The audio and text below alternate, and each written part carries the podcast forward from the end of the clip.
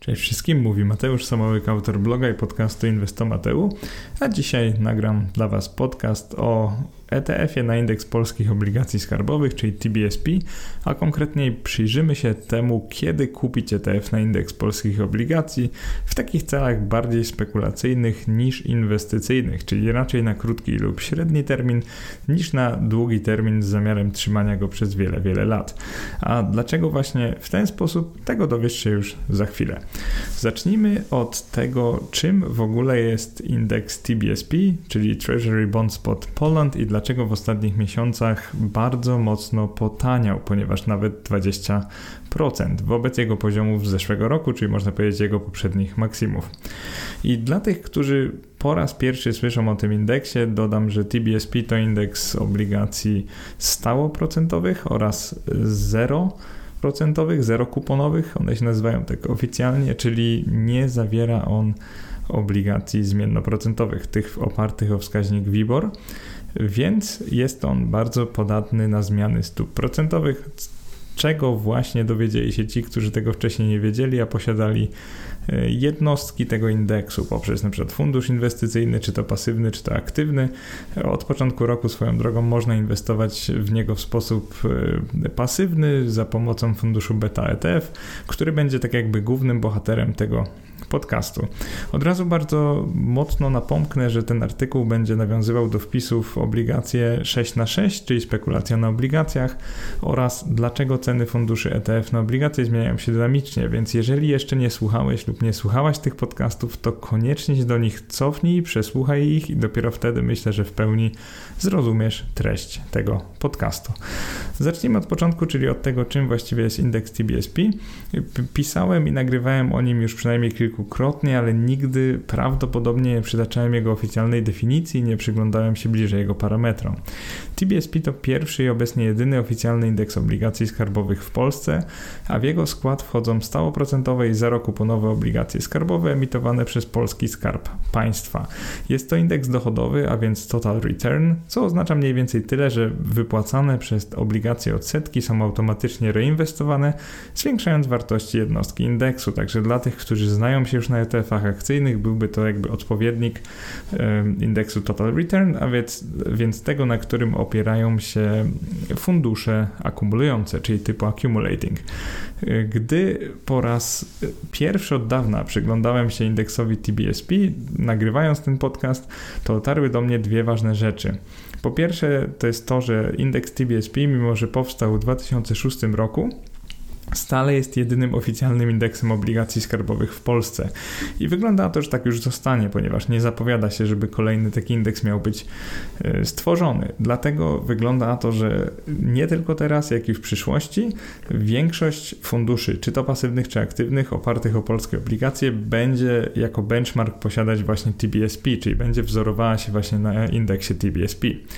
E, druga sprawa to to, że w skład indeksu TBSP nie wchodzi zbyt wiele emisji obligacji, więc jeżeli spodziewasz się setek emisji, to zaraz się bardzo zdziwisz, ponieważ jest ich tam tylko kilkanaście. I dzięki temu będzie trochę łatwiej zrozumieć to, co to za indeks, co wchodzi w jego skład i będzie on taki dla nas bardziej, można powiedzieć, namacalny.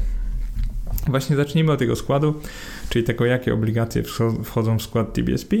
E, obecnie jest to 16 emisji, głównie stałoprocentowe, to jest 14 na 16, 2 na 16 to są zero kuponowe.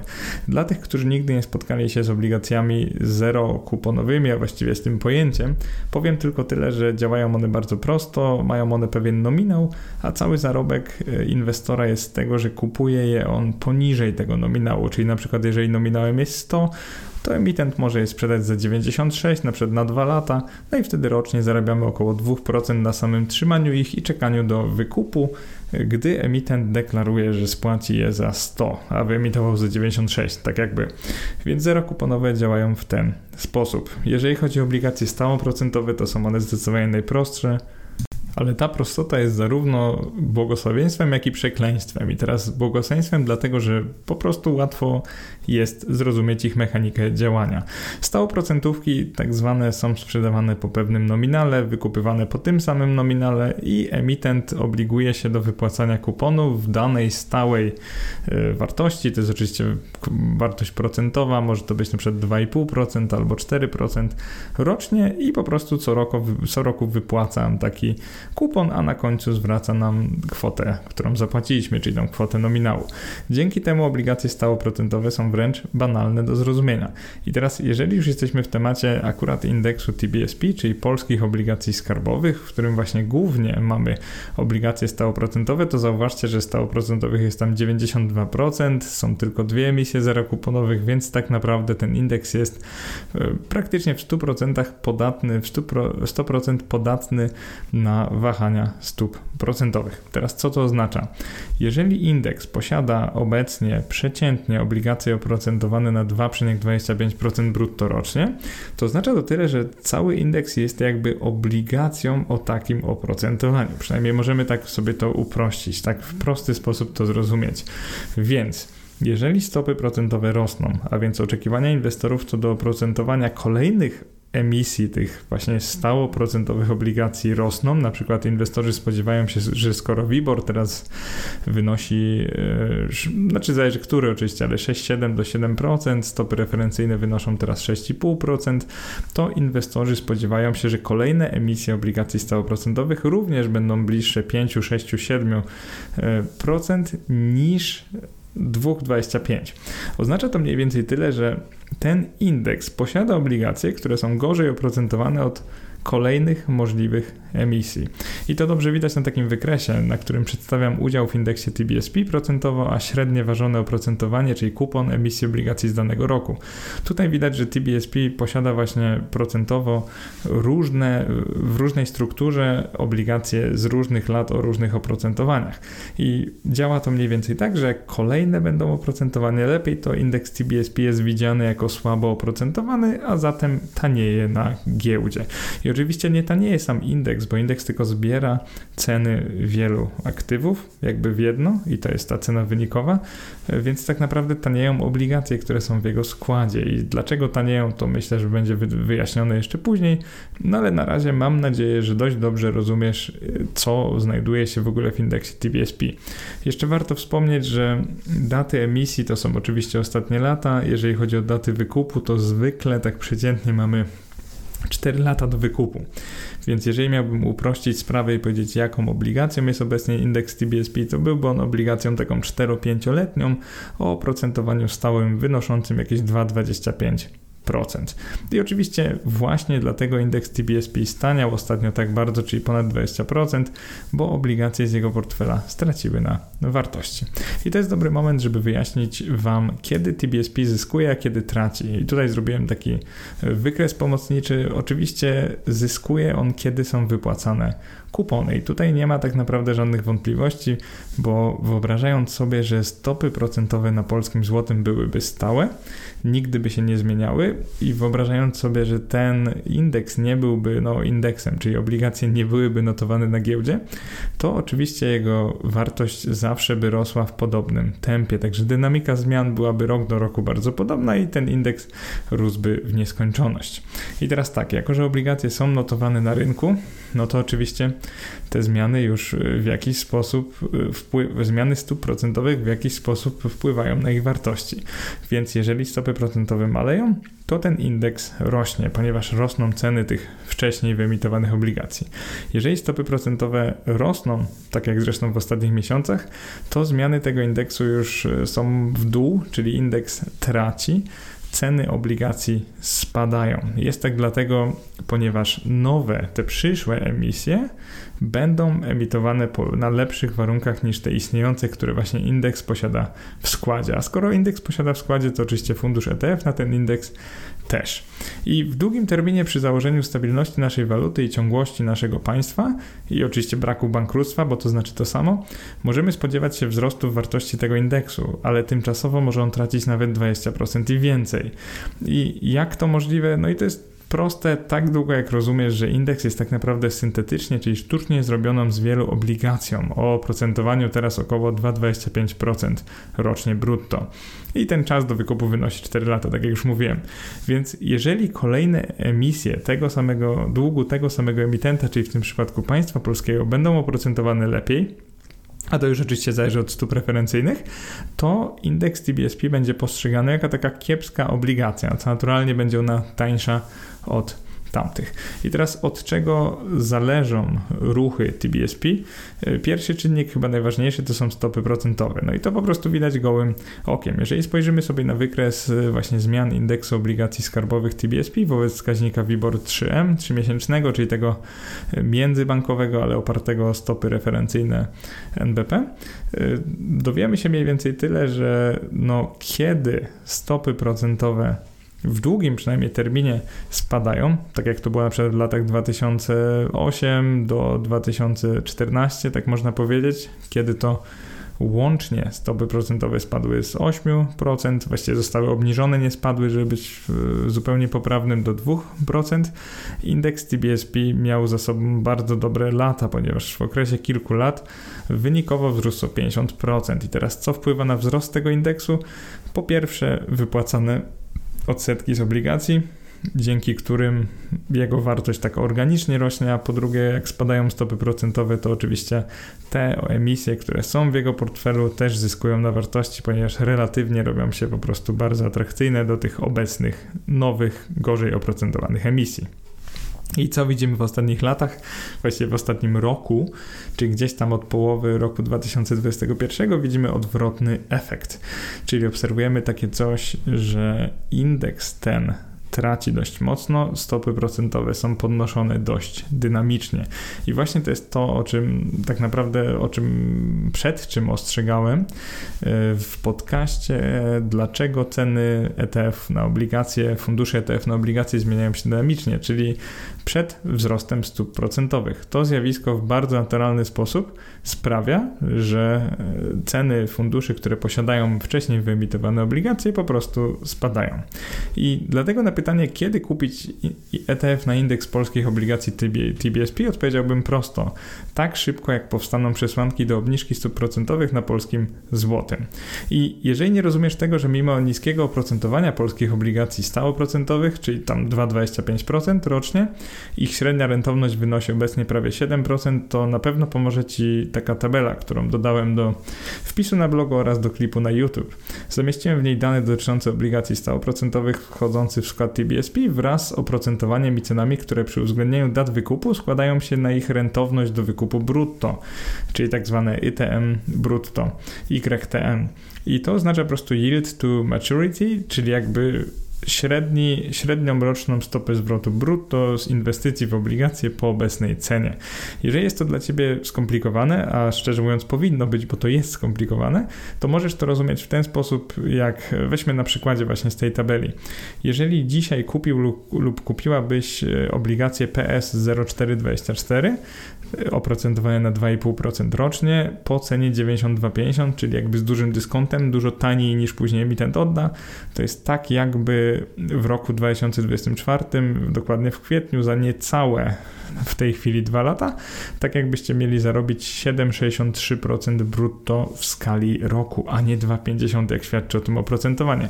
Dlaczego? Bo kupujecie to taniej, czyli nie dość, że co roku otrzymacie kupon, to jeszcze pod koniec zyskacie tę różnicę między ceną zakupu a ceną nominalną, czyli ceną wykupu przez emitenta i dlatego właśnie rentowność jest tak naprawdę dużo wyższa niż wskazuje na to średnie oprocentowanie obligacji w portfelu takiego ETF-a. I teraz jeżeli chodzi o stopy procentowe dla tych, którzy chcą się pobawić przy, w przewidywanie ich, one zależą w dużej mierze od inflacji. Właśnie w tradycyjnej szkole ekonomii jednym z głównych narzędzi polityki pieniężnej banku centralnego są stopy procentowe, które warunkują koszty kredytów oraz opłacalność depozytów bankowych. Stopy procentowe wpływają też na koszt długu zmiennoprocentowego zaciąganego przez korporacje oraz z perspektywy inwestora na stopy zwrotu z inwestycji w papiery korporacyjne, które właśnie są emitowane po zmiennej stopie. Przy niskich stopach procentowych kredyt jest bardzo tani, co napędza popyt na inwestycje i na konsumpcję, a przy wysokich, przynajmniej w teorii, zachęca się do oszczędzania i odstrasza od pożyczania pieniędzy i mam na myśli pożyczania od, czyli właśnie odstrasza od konsumpcji. Więc teraz, jak zresztą pewnie wiecie, założę się, że większość z Was wie, inflacja na polskim złotym, inflacja w Polsce trochę wyrywa się spod kontroli, więc jednym z narzędzi banku centralnego są stopy procentowe, które zwykle w takiej sytuacji są podnoszone, tak zresztą jest i w Polsce. Jak przyjrzymy się wskaźnikowi WIBOR 3M wobec inflacji CPI rok do roku, no to zobaczymy, że stopa procentowa podąża za inflacją. Oczywiście sam WIBOR zależy od stopy referencyjnej, ale tutaj celowo chciałem ten rynkowy bardziej wskaźnik pokazać, a nie stopy referencyjne NBP, ponieważ on się zmienia bardziej dynamicznie. Jego notowania są akurat e, codziennie, w dni powszednie e, zapisywane. I naprawdę nie trzeba dogłębnie analizować tematu, by zauważyć, że stopy procentowe zazwyczaj idą ramię w ramię z inflacją i to właśnie nimi próbuje się nią zgasić. Obecnie znajdujemy się w interesującej sytuacji, ponieważ wzrost wskaźnika cen towarów i usług konsumpcyjnych, czyli potocznie inflacji, rośnie w tempie niewidzianym już w Polsce od lat, co sprawia, że stopy procentowe podnoszone są mocno i zdecydowanie. I teraz jakbyśmy weszli w kwestie gospodarcze, to to się robi jeszcze bardziej skomplikowane, bo zauważymy, że obecna inflacja występuje prawie w każdym kraju świata, więc prawie na każdej walucie i przynajmniej częściowo jest ona zjawiskiem globalnym, a nie dotyczącym tylko naszego kraju, więc w tym przypadku samej Polski. I właśnie z tego powodu tak trudno jest przewidzieć przyszłe odczyty inflacji i wyrokować co do tego, czy wyniesie ona za kilka miesięcy w ujęciu rocznym na przykład 25%, 20% czy na przykład 15%, a nawet 10 lub 8%, bo tak naprawdę tego nie wie nikt. Od kolejnych odczytów inflacji oraz reakcji na nie Rady Polityki Pieniężnej, czyli RPP w skrócie, zależeć zatem będzie optymalny moment na inwestycje w polskie obligacje skarbowe, przykład w formie inwestycji poprzez ETF prowadzony przez Agio Funds, który zaraz zresztą opiszę. Jak zwykle na moim blogu nie skupimy się jednak na próbach przewidywania przyszłości, zaś na warunkach, które będą musiały wystąpić, aby inwestycja w indeks TBSP była sensownym pomysłem, a nie gwarantem straty przez jeszcze parę miesięcy. Czyli ważna sprawa jest taka, że nie będę tutaj próbował ocenić prawdopodobieństwa wystąpienia każdego z dwóch przedstawionych przeze mnie scenariuszy. Zamiast tego powiem Wam po prostu, co się stanie, jeśli i tu będą konkretne warunki. I teraz, żeby odpowiedzieć sobie na pytanie postawione w tytule podcastu, czyli kiedy kupić ETF na indeks polskich obligacji TBSP, y, powiem krótko. Niektórzy twierdzą, że najlepszy czas na zakup tych obligacji poprzez właśnie ETF na TBSP już minął i że teraz jego wartość będzie już tylko rosła. Jeszcze inni zdają się wierzyć w scenariusz jeszcze dynamiczniejszego wzrostu inflacji, który pozwalałby sądzić, że na poziomie 6,5% wzrosty stóp procentowych się nie kończą, a tak naprawdę dopiero się zaczynają. W inwestowaniu wolę reagować na fakty niż próbować je przewidzieć, co zwykle i tak robię, zresztą każdy robi z marnym skutkiem. Dlatego w moim newsletterze, do którego możesz się swoją drogą napisać, link jest w opisie podcastu, e, który wysłałem do czytelników kilka miesięcy temu, opisałem warunki, przy których sam przeniosę swoją część obligacyjną na indeks TBSP. I są one bardzo proste, bo spełnić muszą się przynajmniej dwa z trzech przedstawionych warunków. Pierwszy z nich to to, że RPP przestanie zapowiadać kolejne podwyżki stóp procentowych lub nawet zapowie ich obniżkę. To jest warunek pierwszy. Drugi warunek to RPP nie podniesie stóp procentowych na przynajmniej jednym posiedzeniu Rady. Tutaj się akurat zastanawiam, czy rozwinąć go do dwóch posiedzeń, ale na razie wystarczy jedno. I trzeci warunek, chyba najważniejszy, to to, że odczyt inflacji CPI rok do roku nie wzrośnie przez 3 miesiące z rzędu, bez żadnego wspomagania od rządu typu redukcji podatków.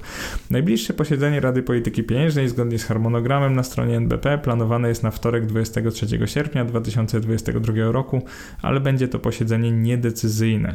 Kolejne posiedzenie RPP, podczas którego mogą zapaść decyzje o stopach procentowych, wypada zatem na środę 7 września 2022 roku i to właśnie okres przed tym, przed tą datą będę obserwował najbaczniej, czyli gdzieś tak tydzień, dwa tygodnie przed tą datą.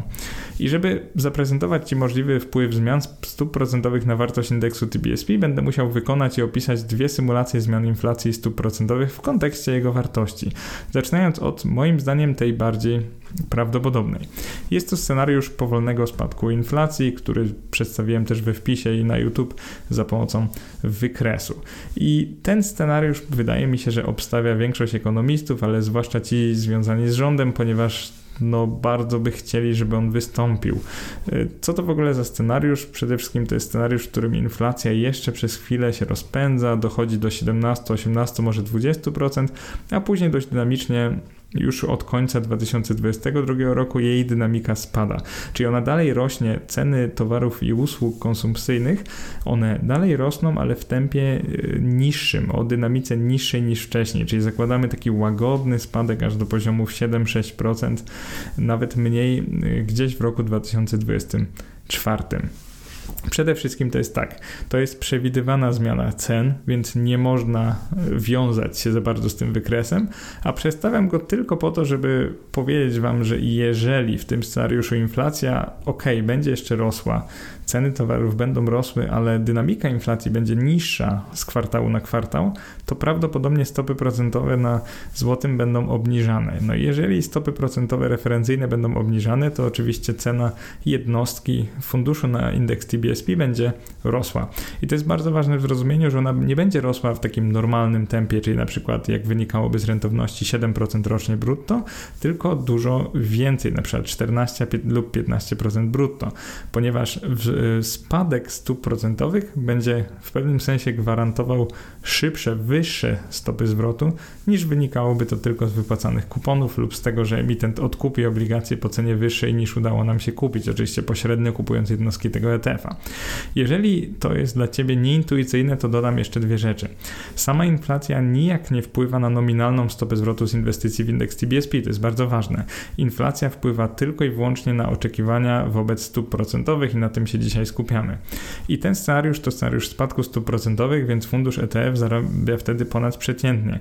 I pamiętaj, że może wystąpić też scenariusz pośredni, w którym stopy procentowe się stabilizują nawet na kilka lat na tych wysokich poziomach, to wtedy fundusz na indeks TBSP będzie zarabiał, ale w wolniejszym tempie, czyli mniej więcej tyle, ile, ile wynosi jego przeciętna roczna rentowność, a właściwie obligacji w jego składzie.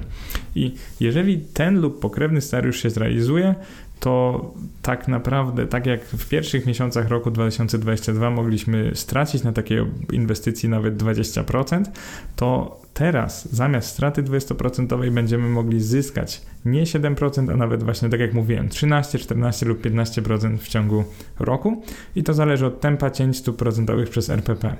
I wiele osób ostatnio dopytuje mnie, czy to jest odpowiedni moment i czy to nie jest przypadkiem tak, że trzeba trafić na maksimum stóp procentowych. I w tym kontekście chciałbym Wam pokazać też drugi scenariusz, czyli dalszego wzrostu inflacji, który niejako udowodni, że nie musimy trafić na maksima stóp procentowych, ale że tak naprawdę istotne jest zainwestowanie, kiedy będziemy już na tej krzywej spadkowej stóp procentowych, czyli nie chcemy znaleźć się na dalszej krzywej wzrostowej, co teraz udowodnię. I w scenariuszu dalszego wzrostu inflacji, który sprawi, że to nie koniec, a tak naprawdę dopiero środek lub początek podwyżek stóp procentowych, inwestycja w ETF na TBSP byłaby bardzo nietrafiony. Y, pomysłem. I taki scenariusz to prawdziwy postrach osób, które są pewne, że szczyt stóp procentowych na złotym jest blisko lub nawet obecnie już wystąpił, że 6,5 stopa referencyjna procent to jest maksimum. Jeśli inflacja w ujęciu rocznym nie przestanie pędzić, to RPP może się jednak zdecydować na bardziej drastyczne podwyżki stóp procentowych, które sprawią, że inwestycja w ten indeks może skończyć się nie tylko niezyskaniem zbyt wiele, ale dalszymi stratami rzędu nawet 20 lub 25% rocznie, jak na poniższym wykresie zresztą Jeżeli słuchasz tego podcastu, to oczywiście opiszę Ci, co jest na wykresie. Scenariusz ten wygląda tak, że stopy procentowe wzrastają do 8, później 9,5, później 11, 12,5% i tam się zatrzymują przy poziomie inflacji 28% rok do roku. Inflacja rośnie 15,5, 18, 21, 24, 28% w kolejnych kilku kwartałach, więc stopy, tak jak mówiłem, są podnoszone do poziomu aż 12,5%.